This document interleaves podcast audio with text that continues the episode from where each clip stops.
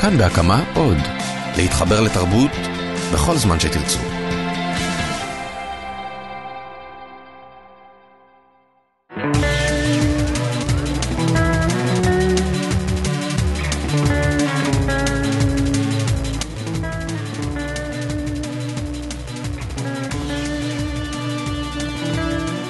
שלום אה, למאזינים, אתם נמצאים בתוכנית הספק, מפגש בין דתי שבו אנו מנסים לדבר על מושגים מנקודת מבט של הדתות השונות.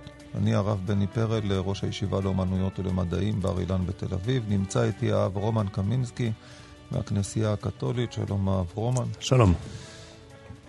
אנחנו עוד uh, סופגים את עשן המדורות של אתמול. Uh, ל"ג בעומר הוא חג שבו הרבה חוגגים את הסוד, את המיסטיקה. כי יש, יש, יש משהו מוזר בכך שהאירוע הכי גדול מבחינת מספר המשתתפים במדינת ישראל הוא אירוע של סוד, אירוע שלא מובן. עד היום לא, לא ברור לגמרי מה, מה מושך אנשים, מאות אלפי אנשים, להגיע למירון. תאר לעצמך שזה לא משחק כדורגל, שיש uh, תחרות בין קבוצות, וזה לא uh, הופעה של איזו תזמורת פילהרמונית מפורסמת.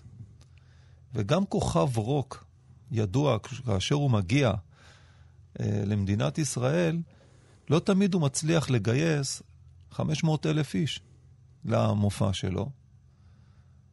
ופה אין לך רוק ואין הפקה ואין uh, במה. יש איזה אדם שלפני יותר מאלפיים שנה קבור באיזשהו מקום, אנשים באים למקום הזה, רוקדים, שמחים, עושים כל מיני מנהגים, חוזרים הביתה. זה יום עבודה שזורקים. זה, זה לא מובן. זה לא מובן. ואנחנו רוצים לדבר קצת אה, היום על הלא מובן הזה. על הממד של המעבר, של הדבר המיסטי, שהוא כל כך מדבר לבני אדם. גם בני אדם שהם מאוד רציונליים. אה, ואני אגיד עוד משהו על זה. אה, אתה הרי יודע ש... יש, הר... אני, או שאתה לא יודע, אני לא יודע עד כמה אתה מכיר כן. את החברה בישראל, שיש הרבה שלועגים למנהג הזה. זאת אומרת, הם uh, טוענים שזה פרימיטיבי, שזה נעשה רק בקרב אנשים שאין להם השכלה, שהם לא מבינים כלום. ואז כמו כמו אנשים שמישהו סימם אותם, הרי קרל מרקס uh, כתב שהדת זה אופיום להמונים. נכון. כן. אני מניח שאתה לא מסכים לאמירה לא, הזאת. לא, כמובן שלא. אז uh, מין אופיום כזה, מין אקסטזה, שנכנסים כן. כולם לתוך האקסטזה הזו, כן. וזה לא רציונלי, ואנחנו צריכים להתייחס אליהם בביטול. אבל קשה לי מאוד לבטל, ל- לעשות כלום מ-500 אלף איש, שחלקם הם לא אנשים טיפשים. ועל הרגע הזה שאדם שהוא משכיל, והוא כן חושב בהיגיון, והוא הולך למקום מסוים, וזה פשוט נותן מענה ל, לרוח שלו. אני, אני רוצה קצת uh, לשוחח איתך. יש עוד תופעה, שוב, אני לא יודע עד כמה אתה מודע לה, של uh, מאות אלפי איש שנוסעים לאוקראינה, לאומן, בראש השנה. כן. אתה מכיר את ה... שמעת על זה? לא שמעתי במיוחד, אבל uh, כן, יודע על מה מדובר. הם נוסעים לקבר של רבי נחמן בדיוק, מברסלב. כן. שוב, מדובר באנשים שחלקם אנשים שאני לא יכול לזלזל בהם, אני לא יכול להגיד שהם מובן. טיפשים, אני לא יכול כן. להגיד כלום, ובכל זאת הם נוסעים ליומיים. לנים בתנאים לא תנאים, לפעמים אין שם בית מלון כמו שצריך, לפעמים האוכל לא כמו שצריך, והם חוזרים עם תחושה מאוד גבוהה. וננסה לדבר קצת בזמן שיש לנו על התחושה הזו, וקודם כל הייתי רוצה קצת לשמוע אותך על העניין הזה. זאת אומרת, כמו שאמרת, מצד אחד, המיסטיקה מתעסקת במשהו מוסתר, משהו ש... איזשהו סוד, משהו שלא מבינים עד הסוף, אה, וזה מושך אנשים בטוח. אה, ואם חושבים שאלוהים הוא גם מישהו שלא יכולים להבין אותו עד הסוף, שהוא רז בעצמו, ואם המיסטיקה קשורה ממש לאלוהים, אז זה משהו טוב, כמובן. מצד שני, אה, אני חושב שגם אחד מהמאפיינים של מיסטיקה, שיש גם לזה פן חיובי, אבל גם יכול להיות פן ש- שלילי, זה קצת להינתק מהעולם, כאילו לשכוח קצת העולם הזה שאנחנו חיים בו, עולם אה, מלא לחץ, מלחמות, אה, ריצה אחרי כסף, אחרי הצלחה. אנשים רוצים להרגיש יותר חופשיים, ו... וזה מושך אותם בדיוק למקומות האלה, שזה יכול להיות טוב, אה, אם זה לא מנתק אותנו לגמרי מהעולם הזה. אם אנחנו לא נכנסים לאיזושהי אשליה, לאיזשהו ואקום, כאילו, משהו שאין, כן? המיסטיקה האמיתית, לפי דעתי, באמת, צריכה להתעסק עם... זאת אומרת, זאת פגישה עם אלוהים, כן? או דרך פגישה עם אלוהים, כמובן, זה, זה, זה משהו מוסתרי בכל זאת. אה, אבל שוב, שני המאפיינים האלה, גם רצון קצת לנוח מהעולם הזה, להתנתק ממנו, אה, וגם אה, להרגיש שיש משהו מעבר למה שאנחנו רואים, שומעים, מבינים, משהו מוסתרי. אז כעצמה מיסטיקה זה משהו טוב, אבל שוב, תופעות שאנחנו רואים בעולם, הם לא תמיד ממש מיסטיקה. לפעמים זה שרלטנות. גם, כן, גם. מזה באמת אנחנו צריכים להיזהר, משום שיש אנשים שפשוט מרוויחים כסף מזה שהם מוכרים לא. קמעות, או מבטיחים הבטחות, או כל מיני דברים. על זה אנחנו לא מדברים, כי אלה סתם רמאים. אלה הרמאים. דווקא פה אני אהבתי מה שאת אמרת על הנסיעות לאוקראינה, כשאתה אמרת על תנאים, על אוכל, על מקום לינה, שזה לא תמיד ממש משהו טוב, אפילו... בדיוק, זה, זה, זה, זה חלק מהמיסטיקה, שאתה לא דואג לדברים כאלה, כי מיסטיקה אי אפשר לקנות אותה. וזה זה, זה בעיה של העולם היום, של היום, כי הם חושבים שבכסף של הכל. לא, לא, מיסטיקה. קשר עם אלוהים לא קונים אותו בכסף. ופה... כמובן השרלטניות, כמו שאתה אמרת, זה בכלל משהו לגמרי אחר. אם מישהו רוצה למכור לי משהו רוחני, אני אומר, סליחה, שטויות. נכון. יש משהו מאוד מעניין במה שאתה אמרת, שקיימת סכנה בכך שאנחנו נשאבים יותר מדי למיסטיקה, ואז עוזבים את העולם הזה. אני אספר לך סיפור, ב... כאשר הייתי אה, נער, אהבתי לטייל, הייתי עושה טיולים אפילו לבד. אה, פעם הגעתי לוואדי קלט, ויש שם מנזר שקוראים לו סן ג'ורג'. נכון, מאוד יפה. שם פעם? כן, פעם אחת וזה היה ממש נפלא. הוא, הוא מאוד מאוד יפה, כן. ונגמר לי המים, הלכתי לבקש אה, מים מה, מהאנשים שם, ופגשתי נזיר, והוא, שהוא דיבר אה, קצת עברית, קצת אנגלית. Mm-hmm. הוא, ביק... הוא אמר לי אם אני רוצה לראות משהו מעניין. הוא לקח אותי למקום מסוים, שהיה שם סל עם חוט, הוא שם אוכל בתוך הסל, אה, הזיז את החוט, והסל עלה למעלה. אמרתי לו, מה זה? אז הוא אומר, תראה, יש פה נזיר זקן, שהוא יושב במערה. כן.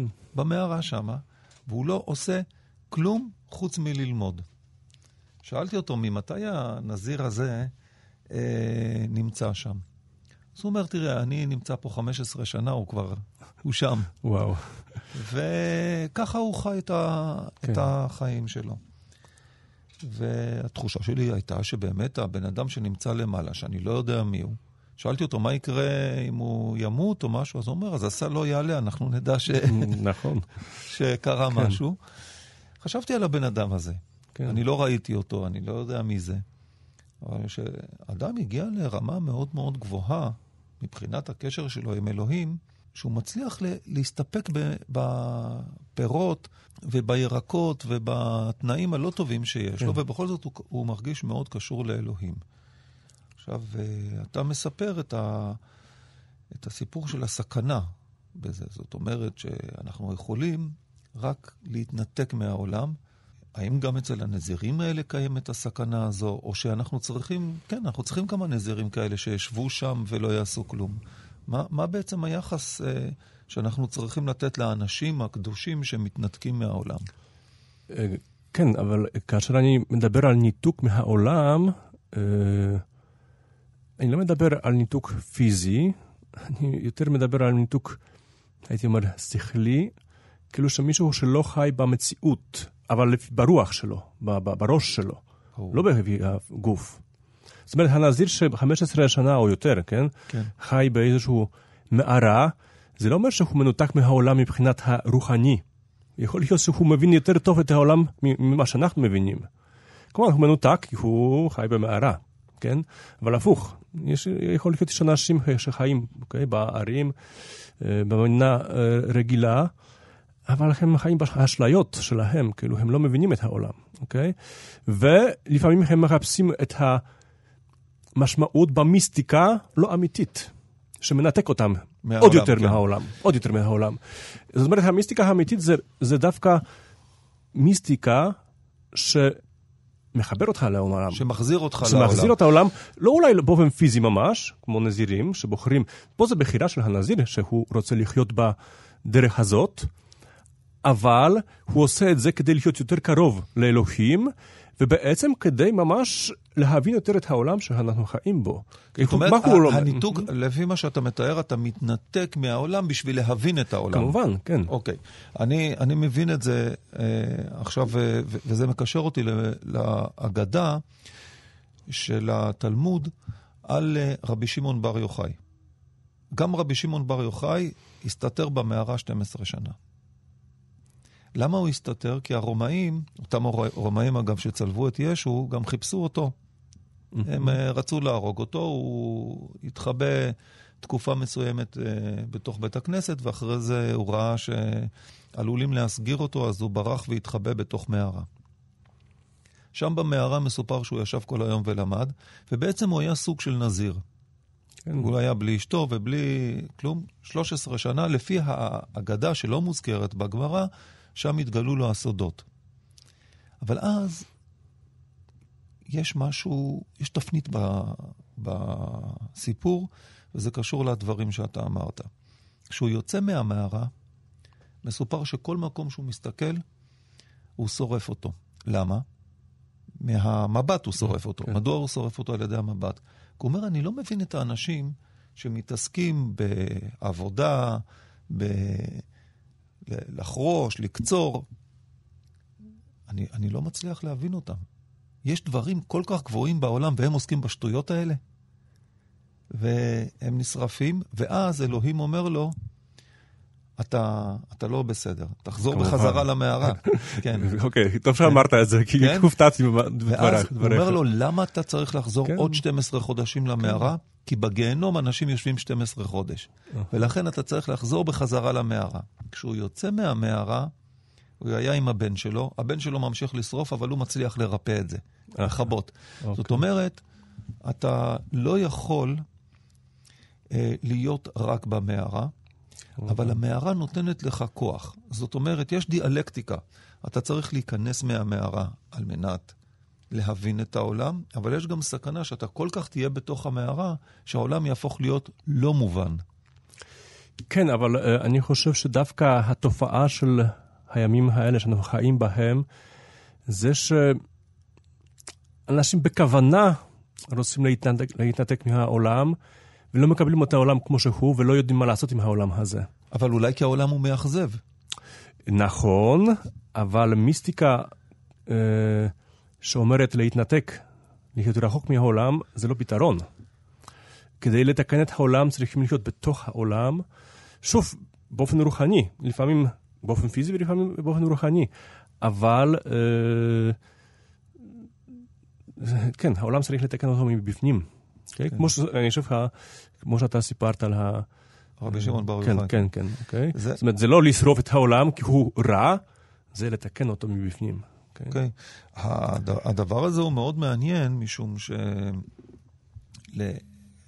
שהניסיון לתקן את העולם הוא תמיד, אה, זה משהו סיזיפי, כן? זאת אומרת, אנחנו כל כן. הזמן מנסים, מנסים לתקן. הרבה אנשים הם מתייאשים. נכון, נכון. הם מתייאשים קודם כל כי מה שיש, כי מה שהם מצליחים לתפוס באמצעים הפיזיים, זאת אומרת ראייה, אה, טעם, אה, מיחו, אה, חוש מישוש, כל, ה, כל האמצעים הפיזיים, כל מה שנגלה להם באמצע, ב, בפיזי, הוא לא נותן להם מענה.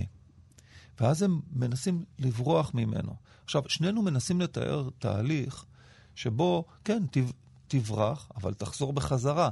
אל, זאת אומרת, אתה לא נמצא או בתוך העולם, שקוע בתוך העולם הפיזי, או שאתה נמצא בעולם הרוחני. שני המצבים הם מצבים לא טובים, אלא אתה צריך לנוע ביניהם. אני, אני מבין נכון את מה שאתה אמרת?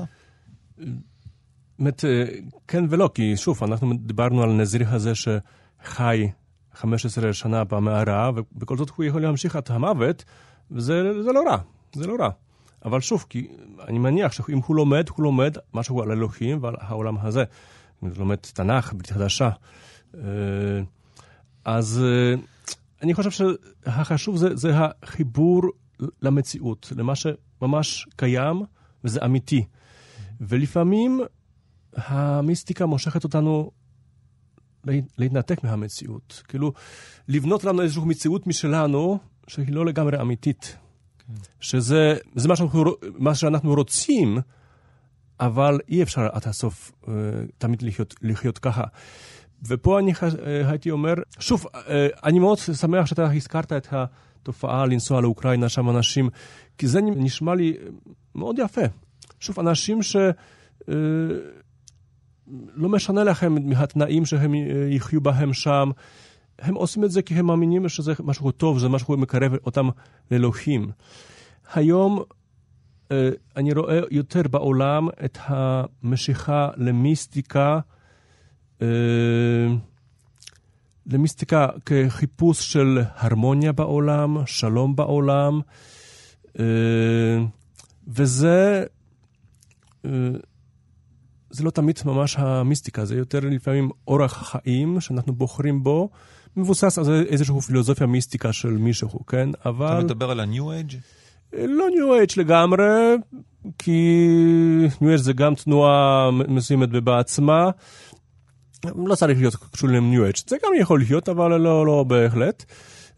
פשוט אנשים רוצים להרגיש את ההרמוניה בפנים, את השלום בפנים, והם חושבים את זה כמו מיסטיקה, כן?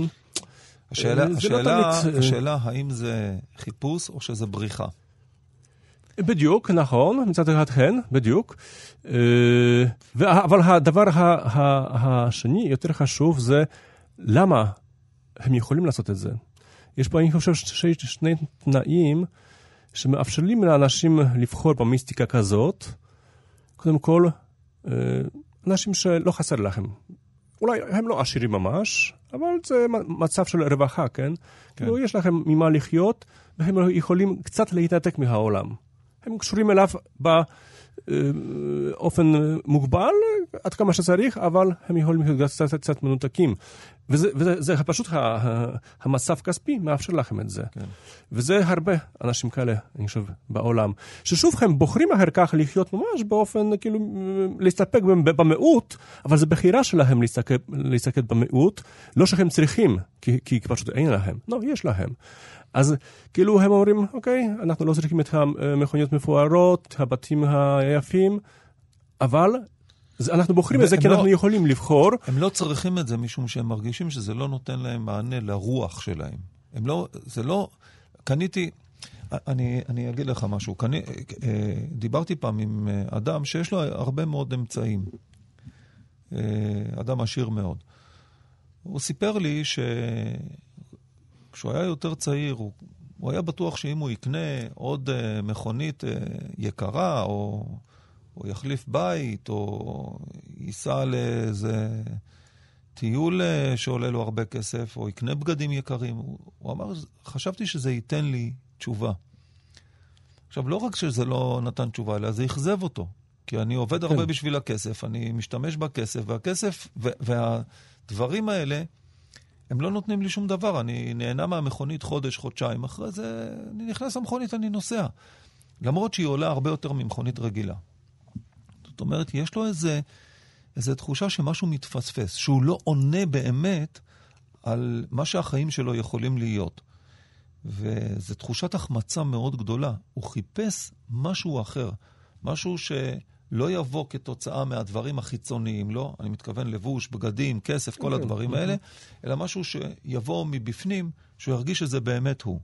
כן. זה, זה המודל של האנשים שמחפשים כן. את, ה, את המיסטיקה. ושוב חוזרת השאלה שלי, האם האנשים האלה שהם אה, מחפשים את זה, הם מחפשים את זה כי הם באמת מחפשים, או כי הם בורחים מהאכזבה שהעולם נתן להם? נכון, זאת שאלה מוצדקת.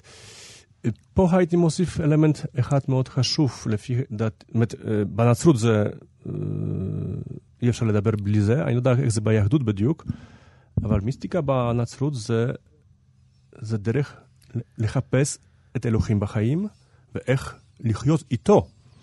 ואני חושב שהיום הרבה אנשים מאוכזבים מאלוהים, בגלל זה הם גם בורחים. למיסטיקה של אסיה, של בודהיזם, כן? כן. כי...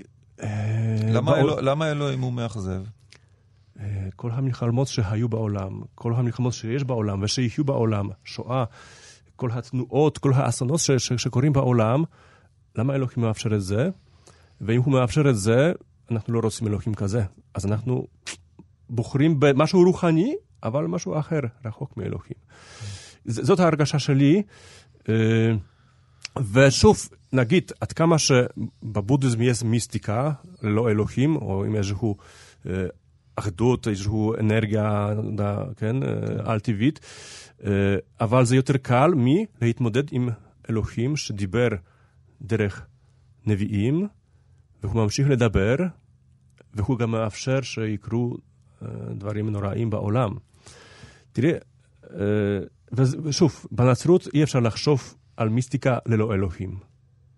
אני לא יודע איך זה ביהדות, אבל אה, בנצרות זה, זה בלתי אפשרי. זה, מיסטיקה לא, זה, גם- זה, גם ב- זה, גם זה, זה, זה ביהדות. משהו שמקרב אותך לאלוהים, להבין אותו, כן. גם להבין למה הוא מאפשר דברים כאלה. אחד העקרונות של הבודה זה שמכיוון שהקיום הוא מאופיין בסבל, זאת אומרת, הסבל זה בלתי בתוך הקיום, מה שאתה צריך, והסיבה לסבל זה בגלל שאתה כל הזמן רוצה דברים, כן, אז הבודה אומר, תפסיק לרצות. כן, ואז אתה מגיע לנירוונה, אתה מגיע לשבע דרכים שבעזרתם אתה יכול להגיע לניתוק מהעולם.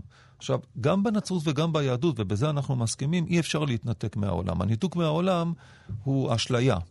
זה, זה פיקציה, זה לא באמת, כן? כי תמיד אתה תצטרך להיות בתוך העולם, ולכן המחלוקת שלנו עם הבודה היא משותפת.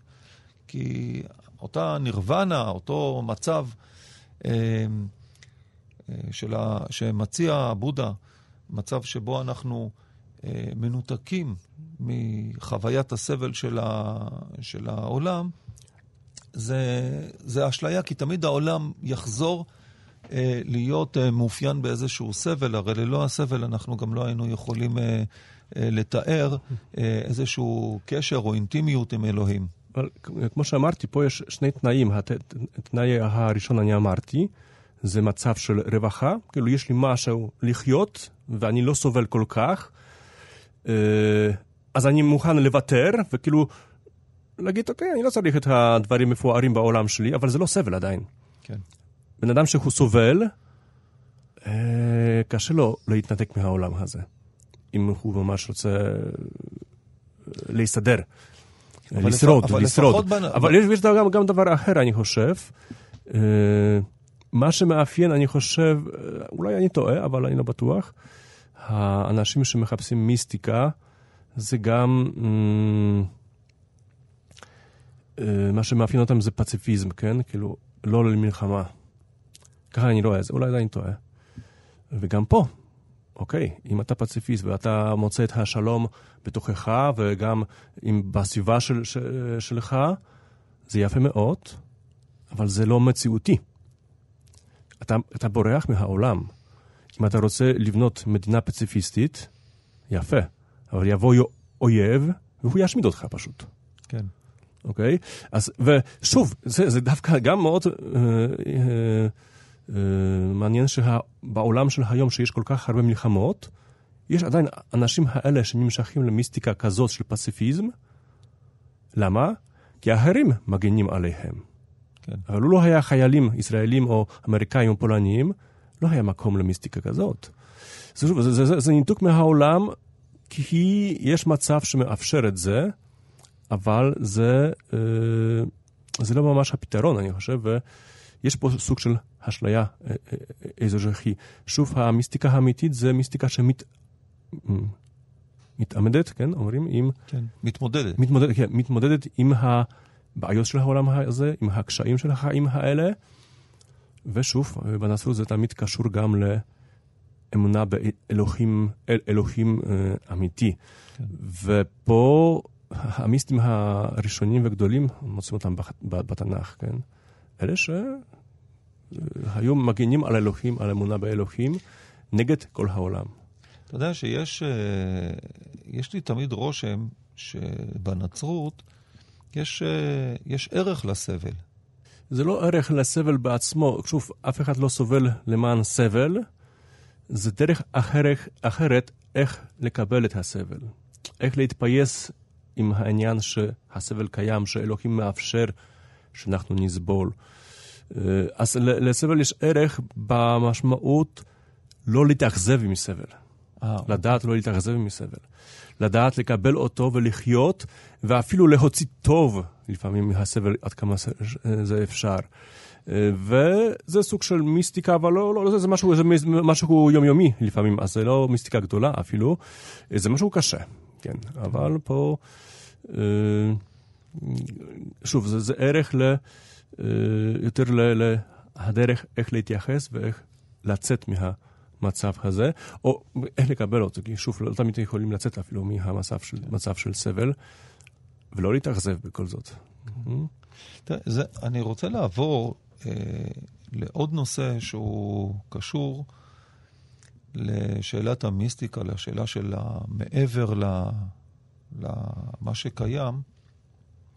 יש ויכוח בתוך הדתות אה, בין הרציונליסטים, בין אלה שאומרים, אנחנו צריכים לעבוד עם השכל, לבין אלו שאומרים, השכל זה לא מספיק.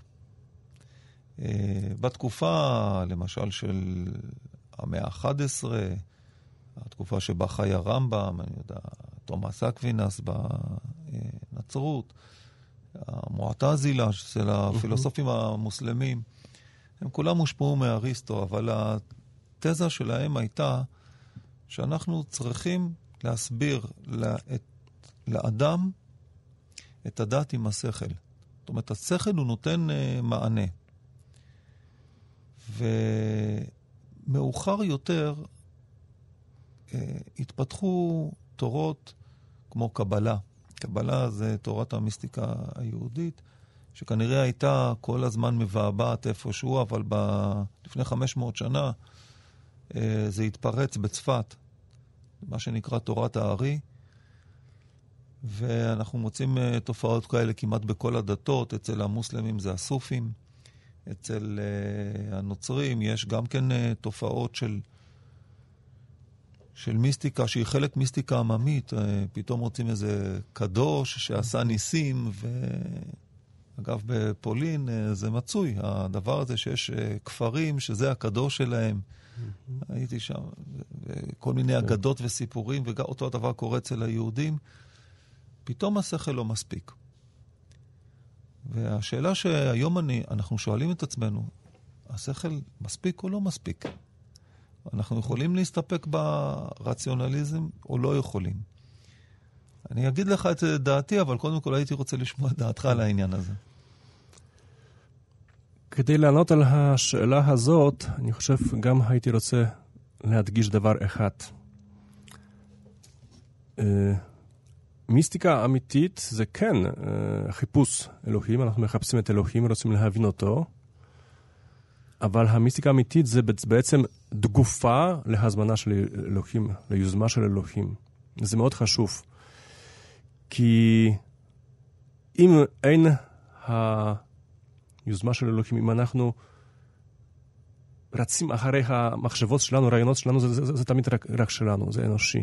זה סוג של פילוסופיה או, או מיסטיקה אנושית, אבל מנותקת מהמציאות, המציאות של אלוהים. כאילו, שוב, אה, אה, כמו שאמרתי, אין בשבילי מיסטיקה ללא אלוהים. ואם יש אלוהים, אז זה הוא שמדבר עלינו ואנחנו מגיבים אליו. ועכשיו, אה, כמובן שיש הרבה דברים שקשה להסביר אותם ב, ב, לפי השכל שלנו, במילים שלנו, אבל בדיוק, הדרך של מיסטיקה זה דרך כאשר אלוהים מדבר אליך ומנסה להסביר לך את המציאות כך שאתה יכול להבין אותו. כמובן, לפעמים אתה לא תוכל לספר את זה, להסביר את זה במילים עד הסוף, אבל בכל זאת זה לא ינתק אותך מהעולם הזה. זה לא ייקח אותך לאיזשהו שוב עולם אחר, דמיוני. לא, זה, המיסטי צריך להיות תמיד עם הרגליים על האדמה. לפעמים יש לנו אה, דמות אבל, של אבל מישהי יש... שהוא בא עם ראש בענן, זה לא יכול להיות, כן? אבל יש תמיד קונפליקט בין הרציונליסטי לבין המיסטי.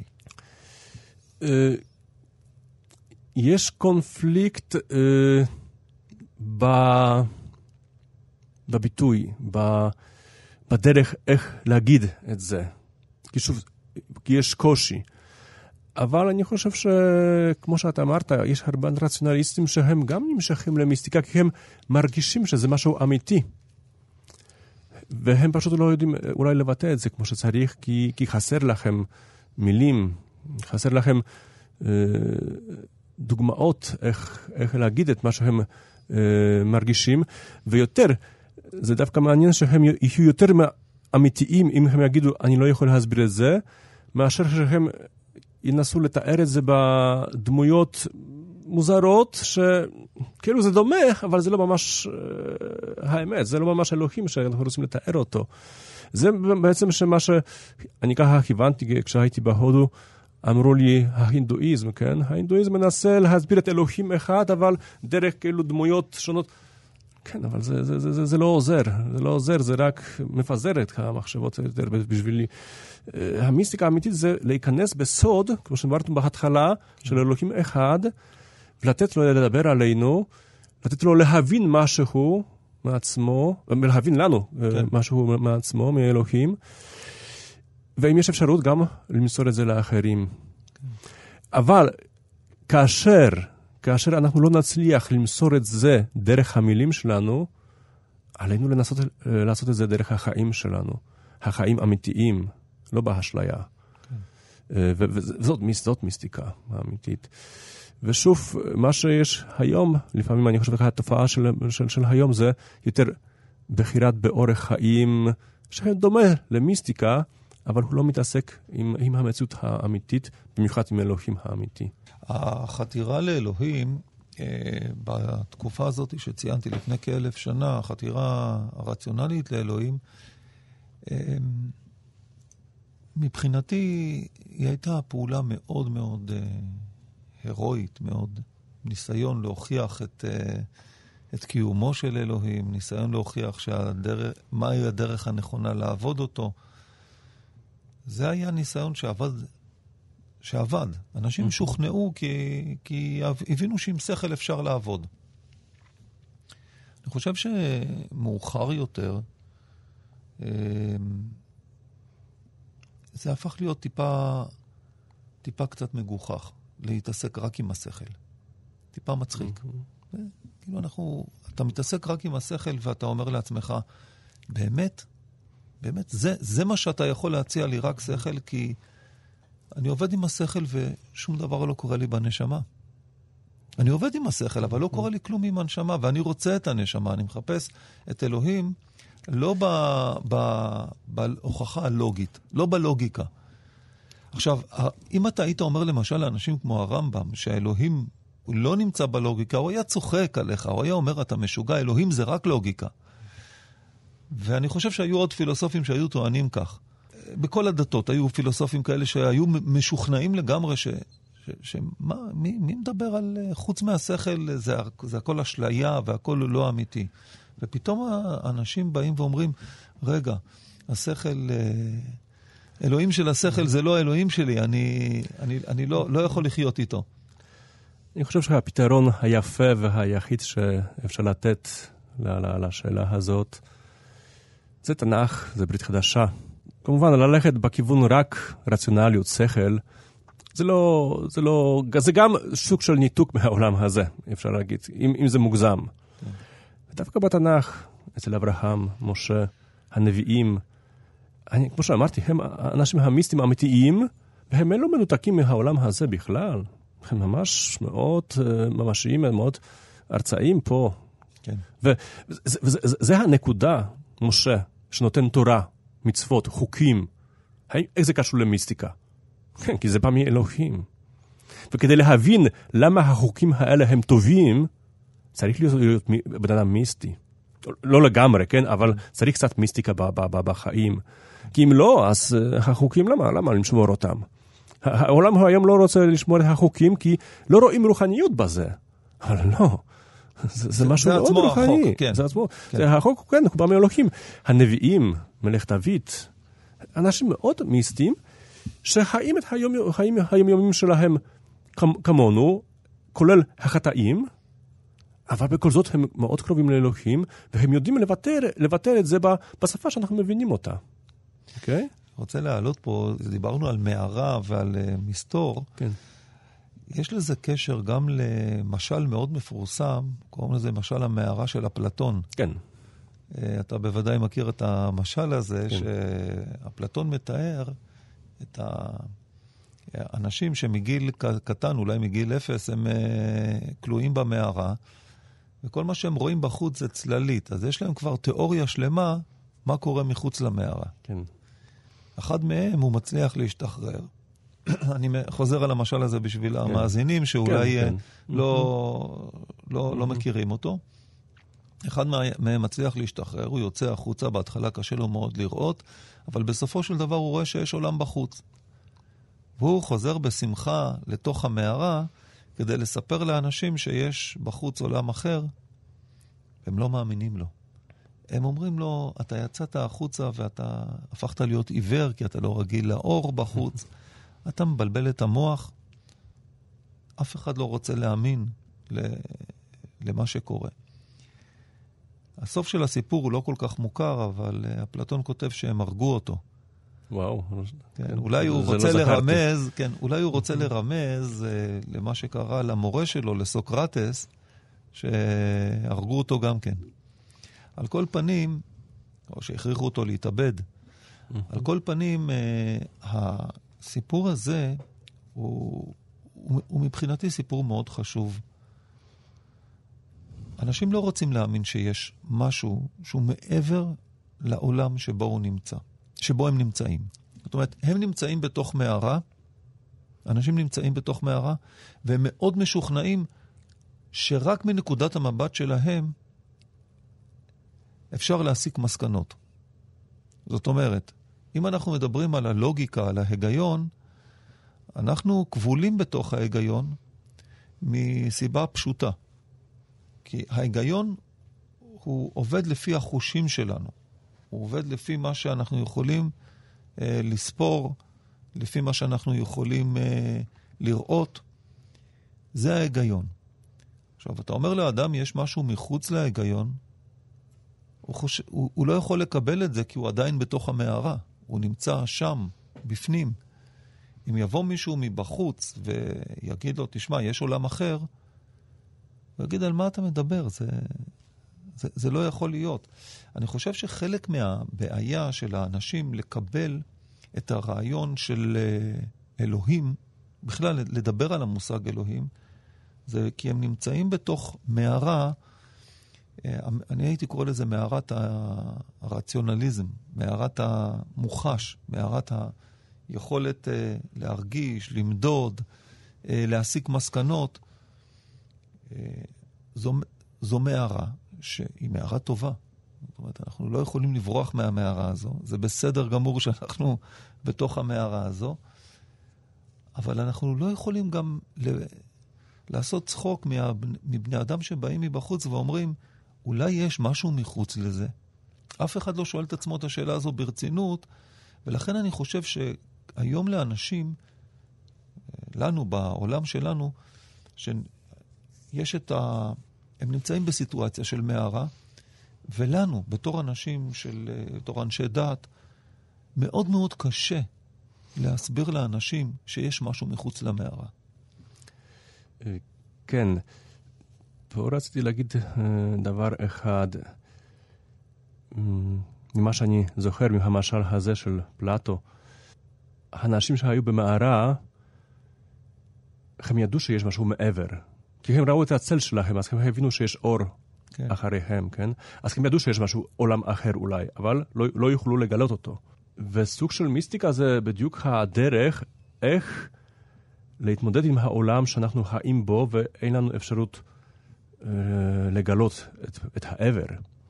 זאת אומרת, זה, זה לדעת, בדיוק לדון מה יש אחורינו שאנחנו לא רואים, ומה אנחנו יכולים לעשות במצב שאנחנו חיים בו. כמובן, אה, אוקיי, יש מישהו שמשתחרר מהמצב הזה והוא רואה את האור האמיתי. אה, והוא מנסה להסביר את זה לחברים שלו, והם לא, אה, לא, לא, לא, לא פתוחים לשמוע אה, אותו, כי הם בטוחים בעולם שהם חיים בו.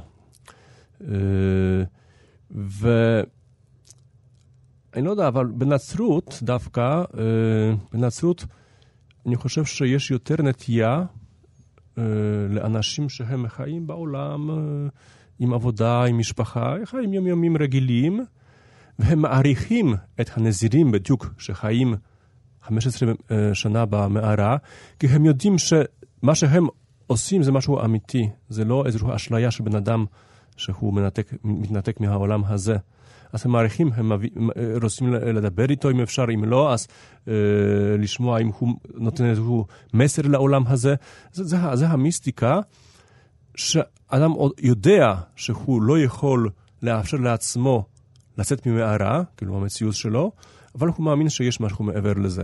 זה חלק מהאנשים. כמובן, יש חלק אחר של אנשים, כמו שאתה אומר, רציונליסטים, שהם יגידו שרק העולם, מה שאנחנו יכולים להבין, זה האמת, ו... ואם מישהו בא, אומר שיש משהו מעבר לזה, הוא משוגע ולא לא רוצים לשמוע אליו. התופעה של המשיכה למסיק. למיסטיקה היום, זה משהו עוד אחר. זה שעכשיו כל אחד אומר, אני יכול להשתחרר ולדעת מה האמת, רק שזה לא תמיד אמיתי. כן. זה, זה, מישהו אולי משתחרר, אבל הוא לא הולך בכיוון לאור, הוא הולך לאיזשהו עולם משלו, פיקציה. רק, פיקציה, רק כדי לא לחיות כאילו משועבע למצב של אה, מערה, כן? נגיד ככה, כן? ופה יש הסכנה, שהיום רוצים שהמיסטיקה יהיה ניגשת, אומרים, לכולם. כן. אבל זה, זה, זה לא תמיד אפשרי. מיסטיקה לעם. כן, מיסטיקה לעם. כן. אה, לא, אה, עם מיסטיקה לעם הייתי מסכים, שוב, הדוגמה שלך על היהודים שנוסעים לאוקראינה, זה, זה, זה מדבר עליי, אה, כי הם עושים את זה ממש מתוך אמונה.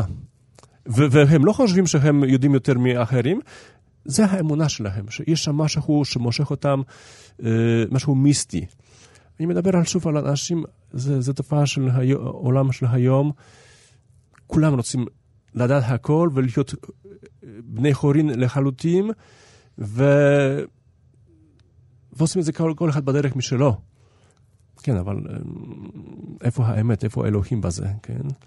אם אלוהים דיבר דרך אברהם, משה, יצחק ואחר כך כולם, בשבילנו, ישוע, השליחים, איפה מקום בשביל העולם? אם אין מקום לאלוהים הזה, בסדר, אתה יכול לבחור בחיים האלה, אבל זה כבר אה, בשבילי לא כל כך מציאותי. כי כבן אדם מאמין, כן. אני יודע שהכל מתחיל עם אלוהים. הוא מקור של כל דבר, כולל מיסטיקה. טוב, עם, ה... עם האמירה הזו שהכל מתחיל מאלוהים, אני חושב שזה זמן טוב לסיים, לא? כן. כן, הוא הראשון והאחרון, כן, הוא נכון. בהתחלה ובסוף. נכון, זה, זה אחד מהעיקרים אה, שאמר הרמב"ם, שאין לו ראשית ואין לו תכלית, אין לו התחלה כן. ואין לו סוף. זה גם כן משהו מאוד מיסטי. נכון, כי בעולם נכון. המציאותי לכל דבר יש התחלה כן, ויש סוף. כן. אבל הרעיון שאנחנו יכולים לחשוב על אה, מציאות שבה אין התחלה ואין סוף, כן. זה רעיון מאוד מלהיב, שהוא גם נותן לנו ממד אה, רוחני לחיים. אבל פה הייתי חוזר לאליהו הנביא, שהוא דווקא הנביא של העיר שלי, אני בא מחיפה, כן? אוקיי. אה, הלוחם, הנביא יחיד שנשאר, שלוחם למען אלוהים אחד. כן. נגד נביאי שקר, כן? כן. זה דבר חזק מאוד, ואני לא רוצה לזלזל באף אחד, אבל עלינו להילחם למען האלוהים היחיד. לא להילחם, כאילו, להעיד שהוא קיים והוא מברך אותנו. אנחנו צריכים למצוא אותו בחיים שלנו. כן, אם, כן בתנ... אם כי בתנ"ך הוא שחט 400 נביאי בעל, והיום זה לא היה עובר את הבג"ץ. כן. טוב, אה, תודה לך, אב רומן קמינסקי, על השיחה הזו. אני חושב שזו הייתה שיחה חשובה. אה, ותודה לנדב אלפרין, עורך התוכנית, ונקווה לימים אה, מלאים בהשראה. תודה רבה.